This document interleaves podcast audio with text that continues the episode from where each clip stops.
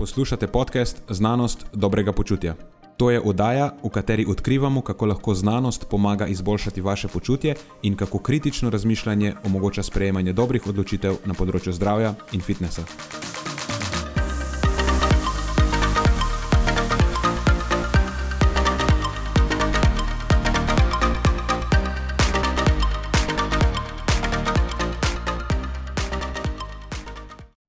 Pozdravljeni, z vami smo Nenad in moj sovoditelj Matjaš.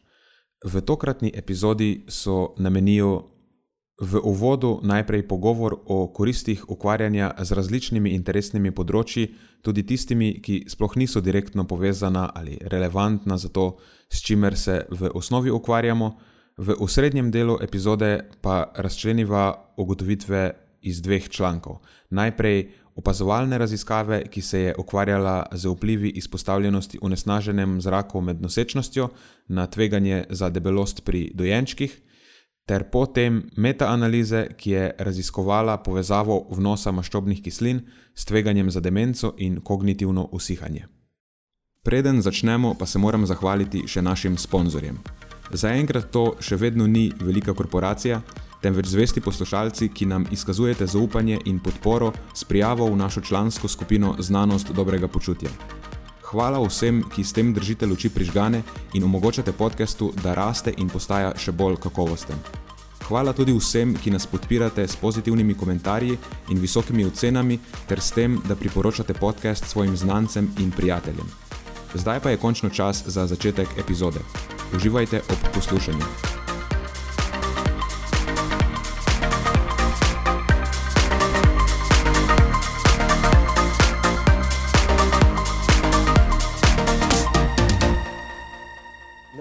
Ko smo se pogovarjali včeraj uh, v Džimu, pa sem te vprašal, očitno se je spremenilo, mislim, of course. To bi lahko pričakoval, da bo kakšna aktualnost vseeno padla v tem kratkem času.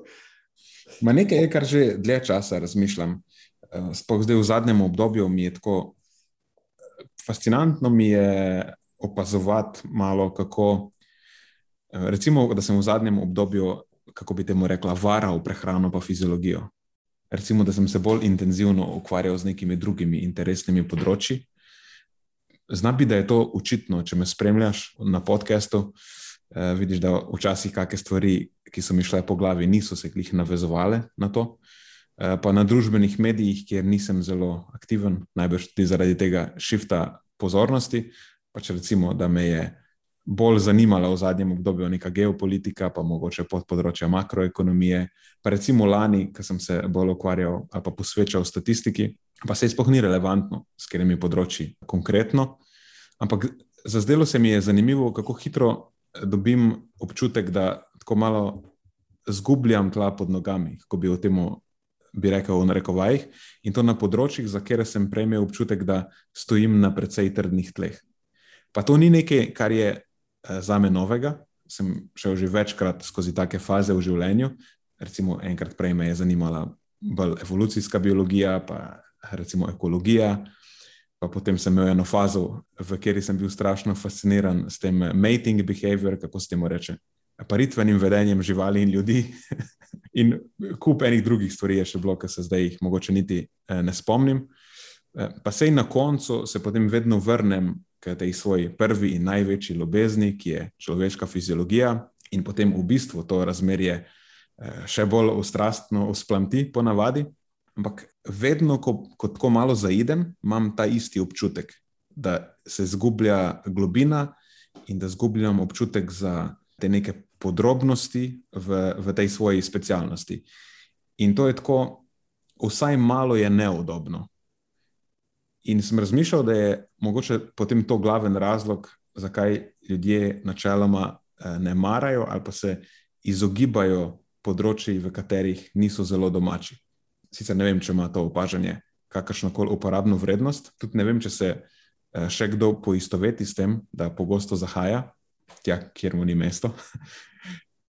Ampak vem, po eni strani vedno uživam, ko nadanem ta beli pas in ugotovim, kako malo dejansko vemo o neki stvari. Se mi zdi tudi, da je to taka lekcija iz uh, humility, kako se temu reče, ponižnosti v bistvu.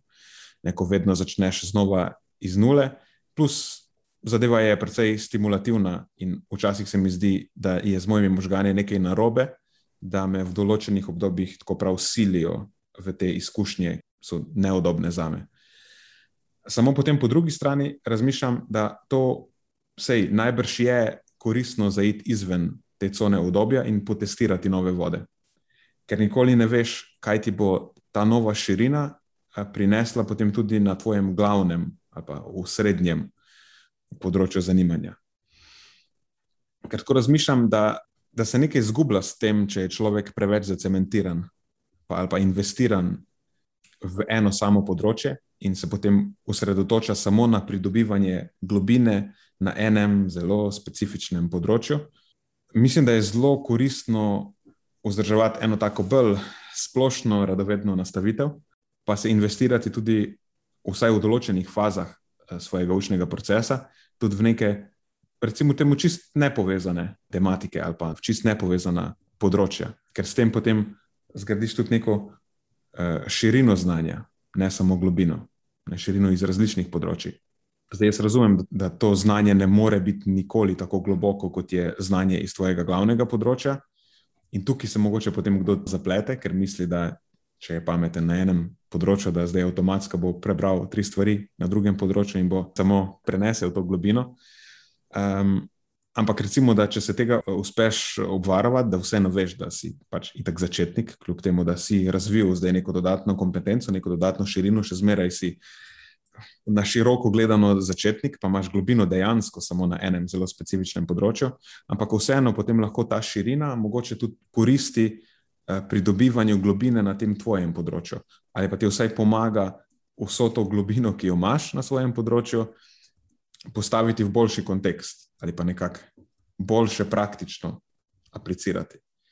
In zdaj na tej točki sem že dosti siguren, da so ti obvozi v neka povsem nepovezana področja v bistvu izboljšali moj performance pri delu z ljudmi. Ker ko delaš z ljudmi, pač ne moreš biti samo hud teoretik na svojem specifičnem področju.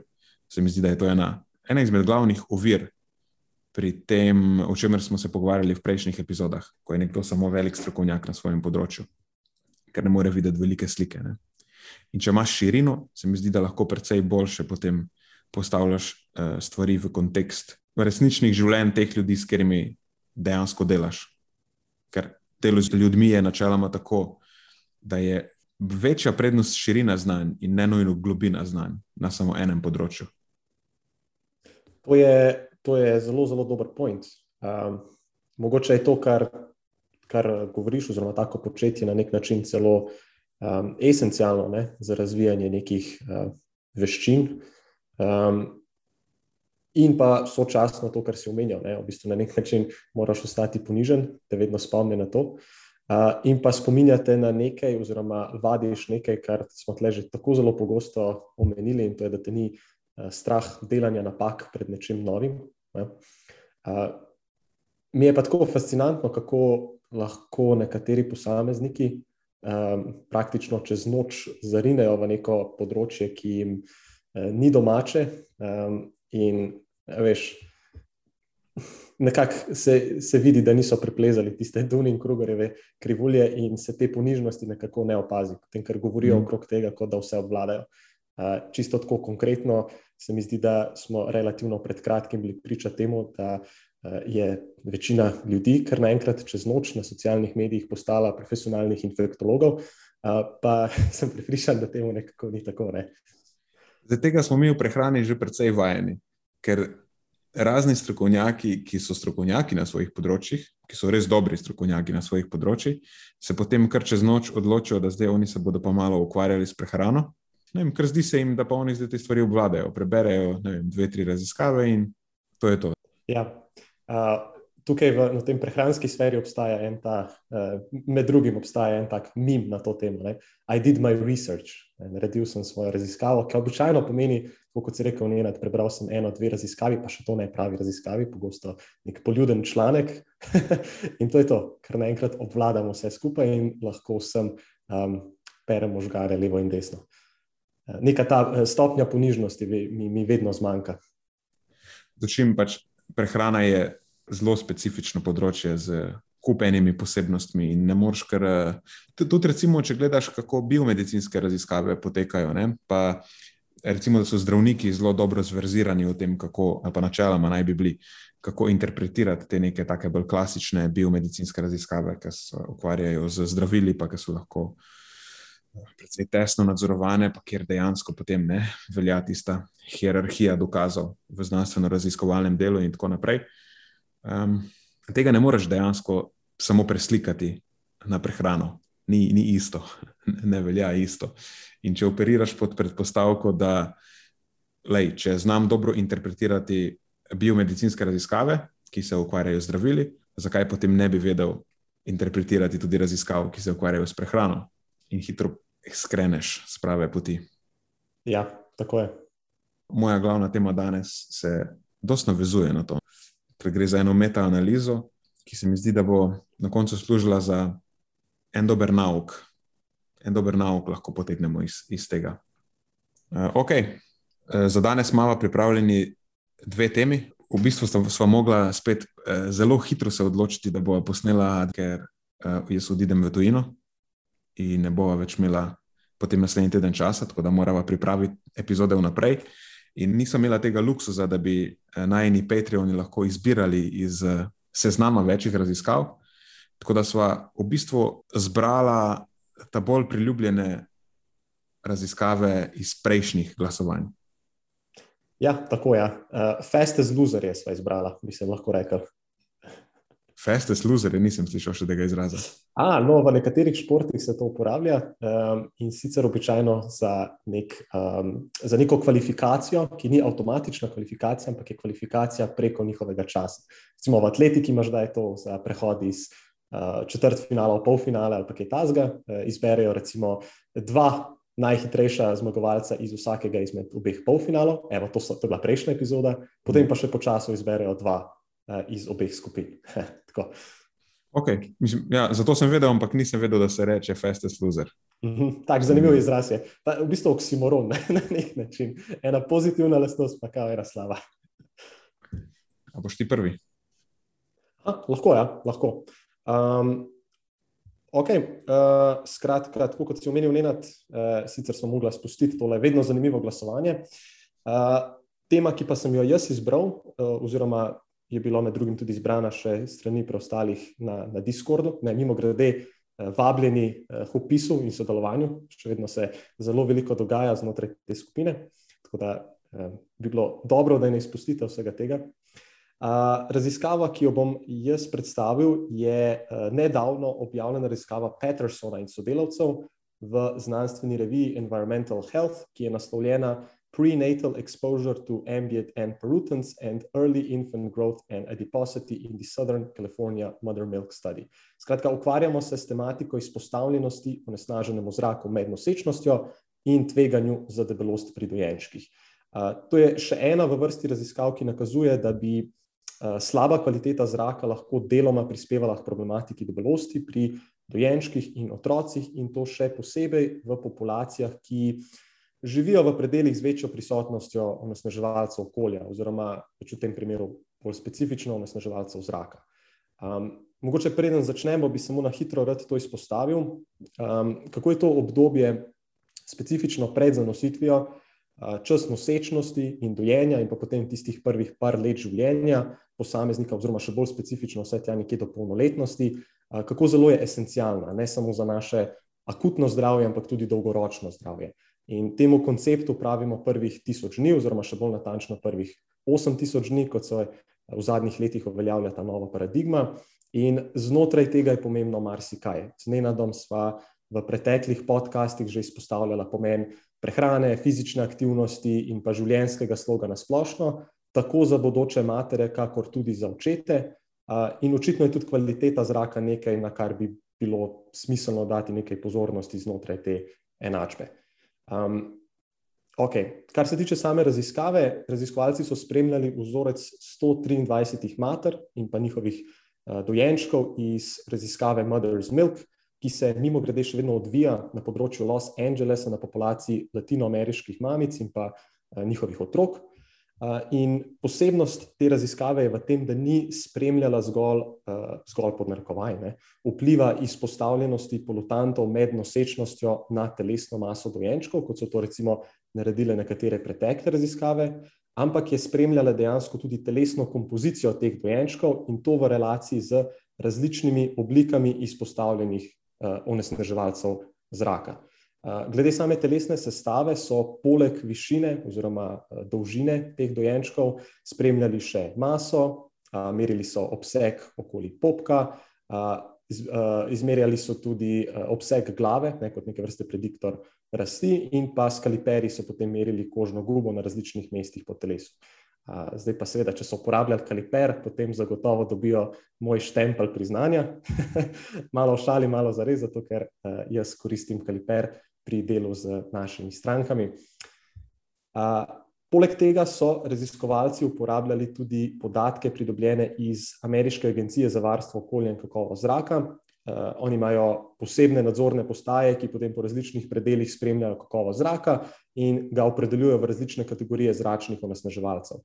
Od delcev, ki jih proizvajajo razne tovarne, avtomobili in pa gradbišča, ki jih označujemo z znakom PM, potem je tukaj dušikov dioksid, sicer plin brez vonja, ki ga oddajajo primarno avtomobili pa elektrarne, in pa seveda še ozon. In potem ta agencija objavlja te rezultate na urni bazi, in kar so raziskovalci naredili, je to, da so uporabili te podatke in iz njih naredili model tega, koliko je bila posamezna mama in pač njihov dojenček, seveda, vključena v to raziskavo, izpostavljena zračnim onesnaževalcem, v odvisnosti od tega, kje živijo. Taka precej elegantna stvar pravzaprav. Raziskovalci so potem spremljali vse te otroke in pa periodično merili njihovo telesno maso, višino in pa telesno sestavo in s tem so dobili vpogled ne samo v hitrost rasti dojenčkov, ampak tudi v to, na katerem delu telesa ti dojenčki tudi nosijo dejansko maščobo. Najbrž zvesti spremljevalci podcasta do te točke že veste, da ni pomembno samo to, koliko maščobe imamo absolutno gledano, ampak tudi, kje jo nosimo. In to sva z Nenadom že parkrat poudarjala. Enkrat se mi zdi, da je bilo v kontekstu tako imenovane zdrave debelosti, pa še parkrat v nekaterih drugih epizodah. Zdaj, kar se tiče rezultatov, so raziskovalci ugotovili, da je bila večja izpostavljenost tem onesnaževalcem okolja na splošno povezana z višjo telesno maso dojenčkov, s pospešenim pridobivanjem telesne mase po rojstvu in pa s povečano stopnjo zamaščenosti otrok, in to primarno v obdobju od prvega do šestega meseca po rojstvu. In to naj bi nosilo bistveno večji riziko, ne samo akutno, ampak potem dolgoročno gledano za pojav debelosti in vezano na to tudi številnih drugih obolenj kasneje v življenju. Zanimivo je, da lahko podobno zgodbo zasledimo tudi v primeru kajenja. Recimo ženske, ki kadijo tekom nosečnosti, običajno rodijo otroke, ki imajo nekoliko nižjo porodno telesno maso, potem pa zasledimo, da v prvem letu življenja ti otroci potem zelo hitro pridobivajo na telesni masi, in to bistveno hitreje napram tistim, katerih matere niso kadile tekom nosečnosti. In tako pospešeno pridobivanje telesne mase v prvem letu življenja povezujemo ponovno z neko večjo pojavnostjo zdravstvenih nevšečnosti tudi kasneje v življenju. Tako da, če se vrnem nazaj na to dotično raziskavo, moram omeniti še to, da so da so se rezultati razlikovali tudi glede na spol in pa celo na tip onesnaževalca. Recimo, izpostavljenost kombinacije ozona in dušikovega dioksida je bilo povezano s povečanim obsegom okoli pasu pri deklicah in pa upočasnjeno rastjo v dolžino in večjo akumulacijo maščobe okoli trupa pri dečkih. Ampak na splošno gledano, če ne dlakocepimo, kar se tiče teh stvari, lahko rečemo, da ne glede na te razlike zasledimo neugodne rezultate na trajektorno pot pridobivanja telesne mase in tudi telesne maščobe pri dojenčkih, vezano na izpostavljenost tem zračnim polutantom. Mogoče lahko še to naslovim, najbrž koga zanima, kako bi pravzaprav ti onesnaževalci zraka lahko sploh negativno vplivali na telesno maso in maščobo. Zdaj, rekel bi, da je to precej špekulativno, zagotovo ne vemo vsega na tej točki, avtorji pa izpostavljajo nekaj potencialnih mehanizmov, ki bi lahko na različnih nivojih negativno vplivali na vse to izpostavljeno, od recimo povzročanja raznih polimorfizmov na različnih sicer detoksifikacijskih encimih in tudi na DNK, skratka na nivoju izražanja genov pri dojenčkih, ponovno nekaj, kar bi lahko potencialno imelo negativen vpliv skozi celotno življenje takega posameznika. Izpostavljajo tudi nek negativen vpliv na mitohondrijsko delovanje in pa še na nekatere druge procese. In vsi ti procesi morda konvergirajo, posredno ali pa neposredno, in povzročajo neke morebitne dolgoročne težave. Um, če morda postavimo še te rezultate v kontekst, um, to so bile nekatere glavne ugotovitve, um, in raziskovalci v tej konkretni raziskavi omenjajo predvsem latinoameričane, ne, torej populacije, na kateri je bila raziskava narejena, kot problematične v tem kontekstu. Pravzaprav se gre bolj kot ne za, za vse bolj revne posameznike, in to so pogosto neki latinoameričani in pa temnopolti posamezniki, ki živijo v industrijsko gledano bolj razvitih predeljih v Združenih državah Amerike, torej niso samo latinoameričani, ampak nažalost se to pogosteje pri njih dogaja.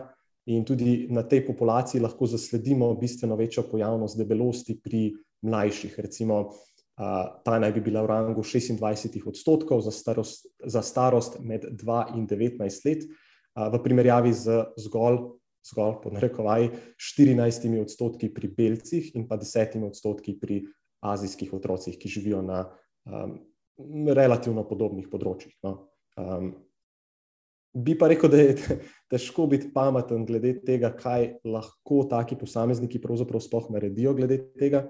Eh, mislim, da na svet preseli se nekam drugam na lepše, nekako ne bo pil vode v tej situaciji. Um, so pa nekateri na sveti, ki jih ti raziskovalci priporočajo, recimo od tega, da nosečnice poskušajo zmanjšati stik s takimi polutanti, tako da zapirajo okna, če se nahajajo v predeljih z visoko vsebnostjo ozona, da se izogibajo zunanjosti takrat, ko se v ozračju nahaja največ takih delcev in kot sem omenil podatke za to, se lahko dobi online za posamezne regije da se izogibajo aktivnostim v tistem obdobju zunaj in pa aktivnostim blizu nekih prometnih cest, industrijskih predeljih in tako dalje.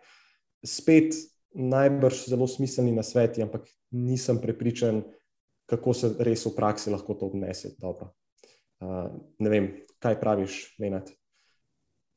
S podatki, ki so jih imeli, so najbrž upravili dobro analizo, ampak sprašujem se, če tukaj dejansko lahko rečemo, da gre za učinek teh polutantov ali pa ne. Obstaja kar nekaj literature, ki potrjuje ta učinek, oziroma izpostavljenost unesneževalcem, različnim tudi temu zraku, je povezana z različnimi negativnimi izidi, tudi na področju telesne sestave, pa višjega tveganja za debelost pri otrocih, pa tako dalje. Samo mehanizmi, ki so jih raziskovalci našteli, se mi ne zdijo najbolj verjetni, ker nič od tega samo po sebi ne more sprožiti pridobivanja telesne mase ali pa prekomerne maščobe. Mogoče lahko gre za neko disfunkcijo ne vem, pri nadzorovanju apetita ali kaj takega, to bi prej verjel. Pa da potem, recimo, ti otroci jedo več kot njihovi vrstniki, ki niso bili izpostavljeni tem onesnaževalcem. Uh, Tako da bi bilo mogoče zanimivo videti, kaj bi se zgodilo, če bi bil kontroliran tudi energijski vnos. Tukaj so tudi nadzorovali za socioekonomski status, ker to me je najbolj zanimalo, ali so nadzorovali za socioekonomski status, in potem tudi ali so nadzorovali za indeks telesne mase mater pred nosečnostjo, ker ponavadi izpostavljenost različnim onesnaževalcem je povezana z socioekonomskim statusom. Ljudje, ki živijo v deprivilegiranih okoljih, načeloma so izpostavljeni več onesnaževalcem. Poleg tega pa načeloma ljudje v deprivilegiranih okoljih imajo tudi slabšo prehrano in potem sta te stvari lahko med sabo povezani, ampak dejansko ne vplivata ena na drugo. Uh, ampak tukaj so očitno za to nadzorovali. Jaz se samo vprašam, ali je bil tukaj kontrast za dost velik v tem socioekonomskem statusu, da bi dejansko, ne, zdaj, če ti kontroliraš za socioekonomski status, pa so oni vsi deprivilegirani v približno isti meri, zakaj si potem sploh kontroliral? Um, tako da, ne vem, pojavi se mi kupenih vprašanj, pa noče zdaj zveneti preveč kritičen. Samo za enkrat res ni jasno, kaj točno bi bil ta mehanizem. Je povezava, tega ne gre zanemariti, bi pa res bi me zanimalo. No. Da to je samo moja radovednost. Je. zakaj dejansko je izpostavljenost onesnaževalcem v zraku povezana z tveganjem za debelost. Konkret, a, je to nek, a je direkten mehanizem ali ni direkten mehanizem? Ja, to je zelo good point. Zdaj, ob prebiranju tistega dela o mehanizmih so se tudi meni pojavila precej podobna vprašanja. Eh, stvar, na katero sem jaz pomislil pri prebiranju tega, je bila, um, da je to morda v najslabšem primeru nekaj podobnega um, kot tistemu, ko smo se pogovarjali o nekih genetskih predispozicijah za težje uravnavanje telesne sestave, če se lahko tako izrazim, da je to morda nekaj, kar lahko vpliva na to, um, ali je tvoja genetska pištola bolj ali manj nabita in ali moraš z njo ravnati bolj ali manj previdno. Uh, uh -huh. Upam, da sem se izrazil tako uh, pravilno v tem kontekstu. Skratka, definitivno ne nekaj, kar je uh, samo po sebi tisti ključni razlog, ključni povod, ker zajec tukaj tiči zagotovo v teh elementih, ki si jih ti izpostavil, ne? sam socioekonomski status in, um, in podobne stvari, um, ki so opadajo običajno poleg tega. Ne? Um, pač nekako slabši življenjski slog, prehrana ni tako zelo urejena, fizična aktivnost morda ni tako visoka in podobne stvari. Hmm, vidiš, to je zelo dober point. Ja, lahko bi recimo rekel, da eh, pride do nekih epigenetskih sprememb, mogoče ki potem eh, prednastavijo tega otroka, zato da je mhm. bolj nagnjen eh, k nekim stvarem, in potem, valjda, če živi v deprivilegiranem okolju, se te stvari lahko v večji meri izrazijo. Da je mogoče neka kombinacija. To je bil mogoče nek odsek znotraj tega, um, sicer super raziskave, ne morem nič reči, uh, mm. ki, ki mi je morda manjkal v tem kontekstu. Pa mislim, da se to zelo pogosto tudi dogaja, da morda nekateri um, raziskovalci malce prehitro skočijo na nek en definitiven mehanizem, ki pa so zelo pogosto um, ne pretirano dobro um, razloženi ali pa bolj kot ne hipotetične narave. Mm. Da, ko govorimo o teh populacijah, ki recimo, da ja, živijo v nekih eh, neoptimalnih okoliščinah, veš, potem je meni na svet, da zapiraj okna, pogosteje ne id ven na zrak. Tako, mislim, zdaj usmerjaš njihove kapacitete v stran od drugih dejavnikov, ki so lahko bistveno bolj vplivni. In mislim, da ni rešitev no, to, da pač zapirajo okna, mm. pa ne grejo na zrak, od takrat, ko je zunaj promet gost, mm -hmm. ampak je, je treba malo bolj temeljne stvari rešiti. In mislim, da okoljsko unesnaženje no, ni glih prva stvar na njihovem seznamu. Ja, pa tudi če bi bila kaj pa pravzaprav res lahko potem storijo na podlagi tega. Ker ne verjamem tudi, da tudi če bi imelo to za res nek velik vpliv, um, da bi se lahko tako spopadali s tem. Je, mislim, da okoljska onesnaženost je nekaj, kar se dogaja um, tako, na, na malo bolj uh, višjem nivoju, ne, ne mm. na mhm. tako zelo individualno. Mislim, to lahko služi tudi kot en šolski primer tega, kako ukvarjanje z malenkostmi lahko uh mhm. -huh. povzroči, da ljudje potem ne posvečajo pozornosti več bolj pomembnim dejavnikom. Začnemo se ukvarjati z nekimi malenkostmi. Bi bilo mogoče bolj koristno, da se pač ne, da prej porihtamo osnove. Ja, absolutno. Zelo, zelo dober point. Ok. Mislim, ja, nismo povedali nič, dosti, nič zelo koristnega, ampak mogoče samo to, da ja, če nekdo reče, da ti in ti dejavniki imajo negativen vpliv, se je potem vedno treba vprašati, v redu, v kakšnem kontekstu, ali je res se smiselno sploh ukvarjati s temi negativnimi vplivi, ali je mogoče boljše prej preveriti, če so vsi, vse drugi, bolj pomembnejši dejavniki rešeni, preden pridem do tja, nekako obstaja ne, lista prioritet.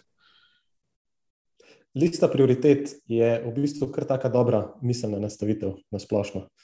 Uh, najprej postaviš stvari v kontekst, postaviš listo prioritet in se ukvarjaš s tistim, kar je najbolj pomembno, in potem šele s tistim, kar je manj. Uh mhm. Ker ljudje v končni fazi imamo omejene kapacitete in Aha. ne moreš se z vsem ukvarjati. Če se boš ukvarjal s tem, kakšna je tvoja kakovost zraka, mislim, da je to precej, precej zahteva od tebe. Uh mhm. -huh. Moraš to nekje spremljati, moraš potem dejansko organizirati svoj dan okoli tega. Različne sezone, v različnih sezonah je kakovost zraka boljša ali pa slabša ob različnih urah v dnevu, ker valjda stvar varira tudi s vremenom. In mislim, veliko organizacij zahteva od tebe, da zdaj ti se prilagajaš temu, kakšna je kakovost zraka. Zunaj, pa kdaj boš odpiral okno, pa kdaj ne boš, pa kdaj lahko greš ven, pa ne. Ja. Nekih stvari ne moreš prilagoditi temu. Ja, pa škoda bi bilo, da nameniš toliko enega časa, pa kapacitet eni stvari, ko pa obstaja še toliko drugih stvari, ki ti bi pač v končni fazi dalo veliko boljši rezultat, potem pa ostaneš um, zafrustriran. In spet uh, velika paralela s prehrano tukaj. Mm. Ok, Nenad, uh, kaj, kateri je bil pa tvoj uh, fastest loser? Moj je sicer uradno res fastest loser, ampak je ena raziskava za katero sem jaz zelo držal pesti zadnjič v glasovanju, ampak se mi nekako ta računica ni izšla, očitno. Eh, čeprav zdaj lahko bi nek cinik rekel, da sem zapeljal te stvari tako, da na koncu sem vseeno prišel na svoje. Ampak. Kot striček iz ozadja si za to poskrbel. Lej, moč imaš za to. na, na nič, prosim, na nič ne namigujte. E, v glavnem, tukaj smo zdaj na tej točki. Eh, je pa tako naslov, izven ga bom kar prevedel, ker eh, nima smisla, da ga berem v angleščini. Naslov je Maščobne kisline in tveganje za Alzheimerjevo bolezen, demenco in blago kognitivno usihanje, meta-analiza prospektivnih kohort. In tukaj je ključna beseda, da je to meta-analiza. Uh, bomo kasneje videli, zakaj. V glavnem, avtori so Run Zezu, to so moji prijatelji iz Kitajske. Je pa ena zanimivost, to je Bengbu Medical College, torej medicinska fakulteta v Bengbuju. Bengbu, mimo grede, je manjše mesto v provinci Anhui, to je vzhodno-centralna Kitajska. In pazi to, leta 2010 je v tem mestu živelo dobrih 3 milijonov prebivalcev. To je manjše mesto. Sploh ne vem, na katerem mestu je. To je tako neka dvomestna številka, daleč v zadaj. Je tebi slučajno ravno kar uspelo kitajsko nekako spet noter uštuliti na, ta, na ta podcast? Kako za vraga ti to vedno uspe? Ja, vidiš. V glavnem članek je objavljen v reviji Nutrition, to je Elsevierjeva revija. In eh, s to raziskavo se seveda spet vračamo na meni ljubo področje zdravja možganov in eh, maščobnih kislin. Je pa tako, jaz ne bi izgubljal preveč besed z, eh, s tem kognitivnim usihanjem, pa z vsemi temi zadevami, ki smo se že v preteklosti z njimi večkrat ukvarjali. V glavnem, lahko samo probam na hitro povzeti to stvar. To s starostjo povezano kognitivno usihanje je resen problem. Máš tako ekonomski, družbeni, kulturni, lahko bi celo rekli, da je en tak družinski in pa individualni v končni fazi, ker izgubljena avtonomija, pa znižena kakovost življenja so tako precej resna stvar v posameznikovem življenju. In potem te razne demence, recimo, da so najbolj huda oblika kognitivnega usihanja. V glavnem, tukaj pač čist na kratko gre za neke motnje v razmišljanju, v spominu, razpoloženju, odločanju in tako naprej. Vse, za kar potrebuješ možgane, je moteno. Ne? Tako neke zavedne, kot relativno nezavedne funkcije se, se ukvarjajo. In ker pač zaenkrat nimamo učinkovitega zdravila, teh negativnih sprememb spoh ne znamo zares povrniti, je naše največje upanje preventiva ali pa potem zaustavljanje te neke progresije, ko se problemi že pojavijo. In prehrana je v tej zgodbi zelo pomemben del, torej prehrana je zelo pomemben del preventive. Pred različnimi oblikami, bolj ali pa manj blagega, ali pa resnega kognitivnega usihanja, in potem količina in pa delež maščobnih kislin v prehrani pa je eden izmed najpomembnejših dejavnikov v prehrani, ki so povezani z raznimi izidi. Recimo najbolj popularne v narekovajih so veš, debate okoli vpliva maščobnih kislin na razne kardiometabolne oziroma srčno-žilne pa presnovne izide. Ampak potem tudi za področje možganov je vedno bolj jasno, da so maščobne kisline big deal kar je ni spoh streč, je precej logično, ker najprej velik delež možganov dejansko tvorijo maščobe, in potem zdravje možganov se v veliki meri zanaša na dobro delovanje srčno-žilnega sistema, oziroma v tem primeru tudi eh, možgansko-žilnega, ker to načeto zdravje perifernega ožilja potem načeloma pomeni tudi načeto zdravje ožilja v možganih. In dejavniki, ki povzročajo prvo in drugo so zelo podobni, če ne celo isti. In potem še v drugi vrsti tudi dobro delovanje presnove je neka stvar, od kere je zdravje možganov zelo odvisno, in tudi s tem so recimo maščobne kisline precej tesno povezane. Zdaj v tem pogledu pričakujemo, da bodo najbolj problematične nasičene maščobne kisline in pa transmaščobne kisline, dočim recimo večkrat nenasičene, še posebej te dolgoverižne omega-3, bodo povezane z boljšimi izidi. Ampak, ne, tako kot povsod v znanosti, tudi tukaj so rezultati različnih raziskav precej heterogeni, in potem je vmes tudi fajn prebrati kakšno metaanalizo, ki bolj ali pa manj uspešno poskuša povzeti to težo dokazov, pa narediti nek združen zaključek na podlagi večine relevantnih raziskav iz tega področja. Tako da v tej metaanalizi so bile vključene prospektivne kohorte, Eh, to so pač gre za dlje trajajoče epidemiološke raziskave, ki spremljajo neko izbrano skupino ljudi skozi daljše obdobje časa. In eh, po pregledu literature in pa upoštevanju vseh eh, vključitvenih kriterijev, so potem v to metaanalizo vključili 14 raziskav. Štiri so bile ZDA, štiri so bile iz Nizozemske, dve iz Francije, dve iz Finske, ena iz Italije, pa ena iz Singapurja. Tako da večina jih je v bistvu iz zahodnega sveta. Torej, so precej, recimo, da so, da so vzorci vključeni nam zelo sorodni. E, trajale so pa različno, od 2 do 21 let, 4 so bile manj kot 10 let, dočim ostale so bile več kot uh, 10 let. Pa za večino raziskav so avtori ocenili, da so srednje ali pa visoke kakovosti.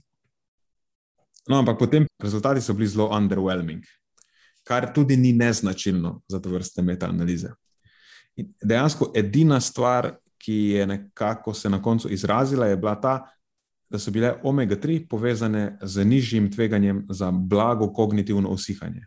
Na razmerje tveganja je bilo nič cela 86, kar pomeni, da je visok vnos povezan z, z 14 odstotkov znižanim tveganjem za blago kognitivno usihanje.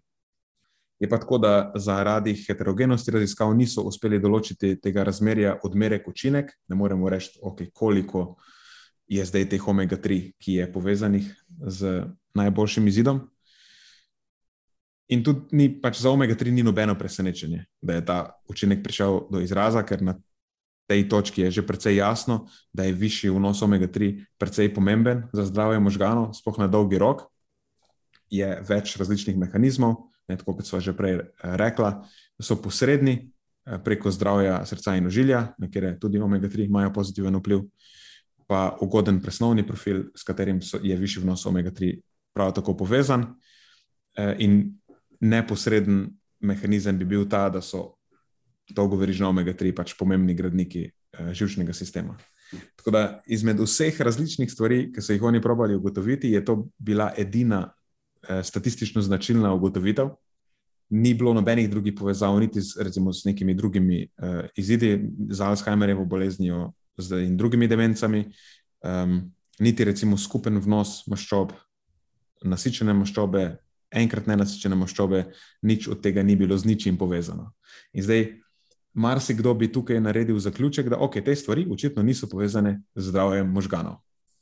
Ampak pomankanje uporabnih ugotovitev v tem primeru je, po moje, dober primer tega, zakaj so metaanalize v prehrani problematične, če ne vemo, kaj z njimi delati.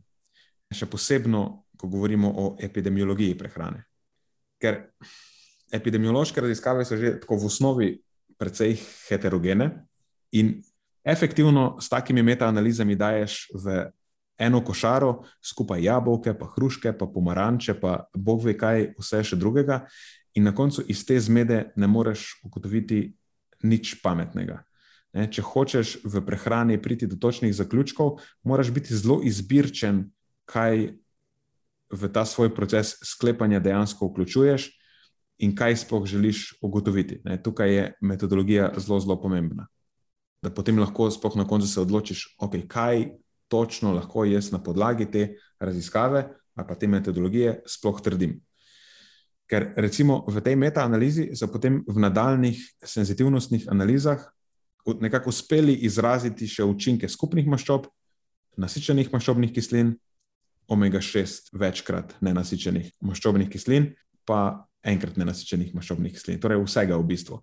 In v, v vsaki kategoriji je bila kakšna problematična raziskava, ki je potem razrečila ugotovitve vseh ostalih. In če so te izključili, se je pokazala konkretna povezava tudi s tveganjem za Alzheimerjevo bolezen in demenco.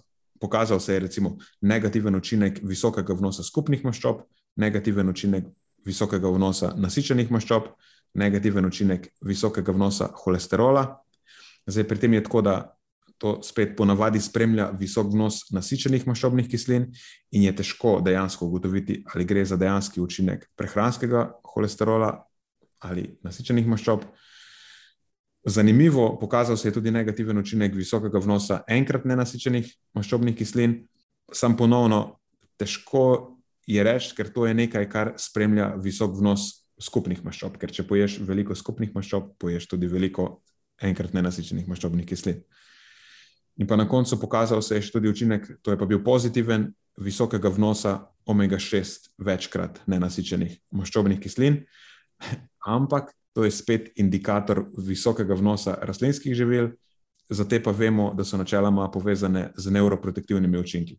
Tako da težko je karkoli konkretnega trditi, tudi moramo upoštevati, da, da so se ti učinki dejansko izrazili, je bilo potrebno neke raziskave izključiti. Tako da avtomatsko gre za neko. Mislim, se lahko bi rekli, da ni glih čist subjektivna odločitev, ker vseeno so neke kriterije pri tem upoštevali, ki so bili prednastavljeni, ampak kljub temu. Um, tukaj zdaj imamo dejansko uh, dva nauka zgodbe. Imamo. V metaanalize v prehrani lahko zelo redko uporabiš kot dokaz, da neka stvar nima učinka. In to je bil tudi primer tistih bolj slavnih, v narekovajih slavnih, lahko bi jim rekli kontroverznih metaanaliz, ki so bili Siri Tarino, pa Čauderi in uh, njihovi prijatelji, ki so kao ugotovili, da nasičene maščobe niso povezane s tveganjem za srčno-žilne bolezni.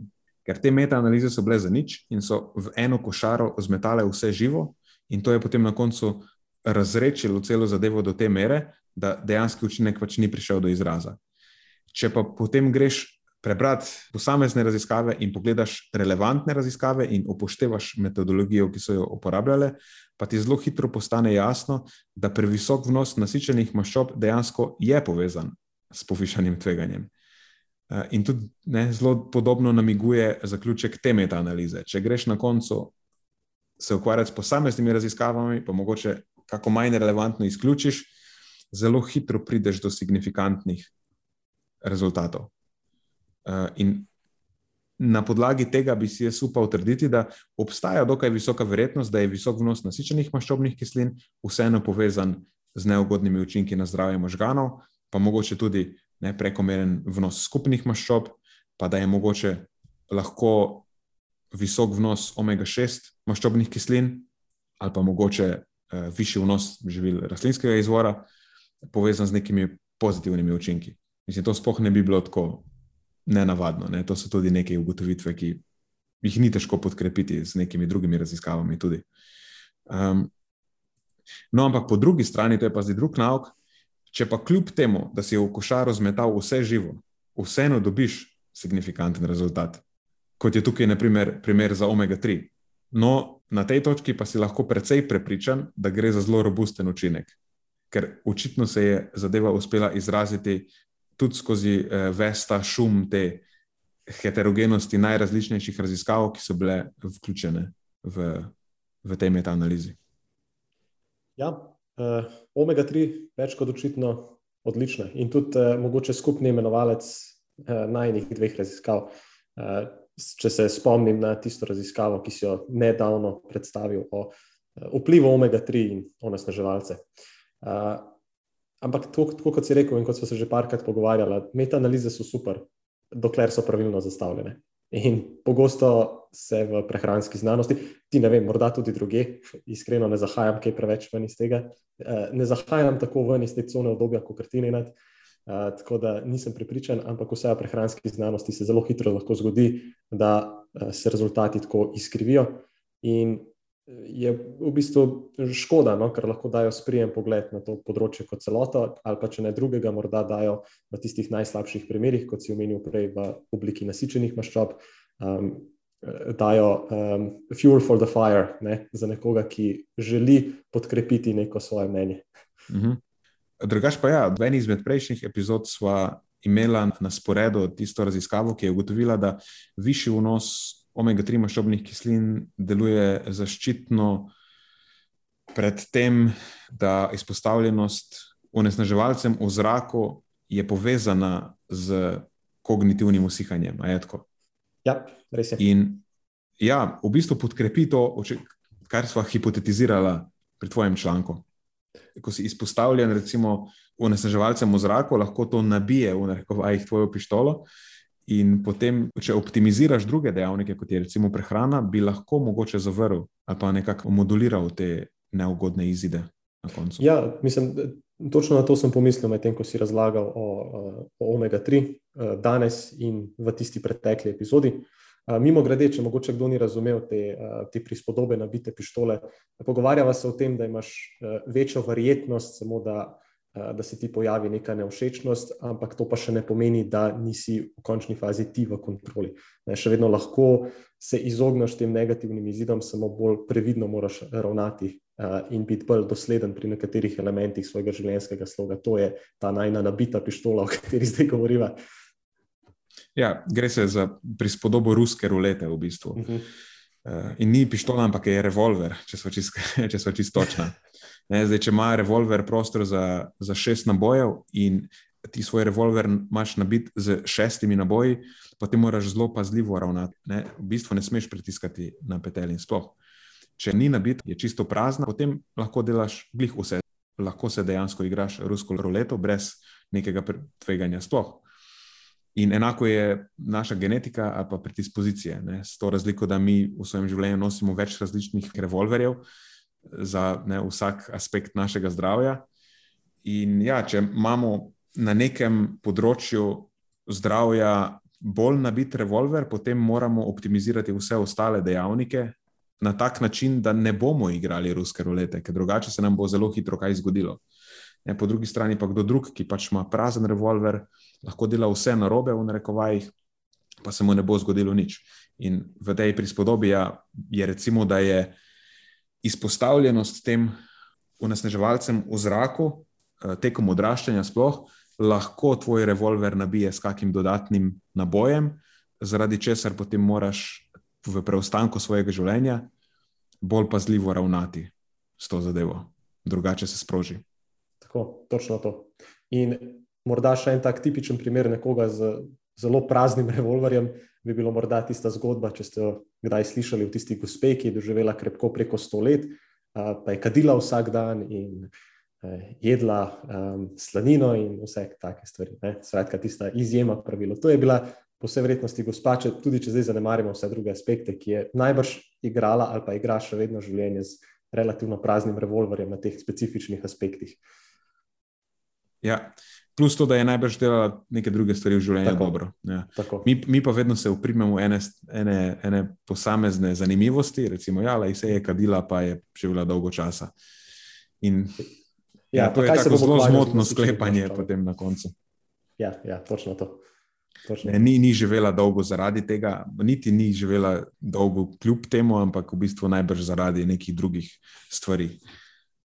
Tako da to, to recimo, kajenje v njenem primeru je lahko, lahko, lahko čist nerelevantno na koncu. Veš, tudi ne vemo, lahko bi mogoče živela še dlje, če ne bi kadila. Točno to. Točno to. Lahko bi bilo še bolje. Ja. Uh, okay. odlič, odlično. Ja, nimam sicer nobenih drugih uh, komentarjev na, tem, to, na tej točki. Uh, tako da precej zaokrožena epizoda, od revolverjev do onesnaževalcev, okolja in tako dalje. Recimo, ja.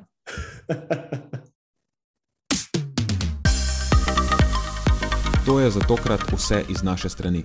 Hvala, ker ste poslušali do konca. Delite epizodo s svojimi znanci in prijatelji in jo priporočajte dalje, saj s tem omogočite, da sporočilo znanost dobrega počutja doseže čim večjo množico. Hvala vsem, ki nas podpirate s članarino in tudi vsem ostalim, ki delite podcast dalje in nam izkazujete naklonjenost z visokimi ocenami in pozitivnimi komentarji. Se slišimo prihodnjič, do takrat pa ostanite premišljeni.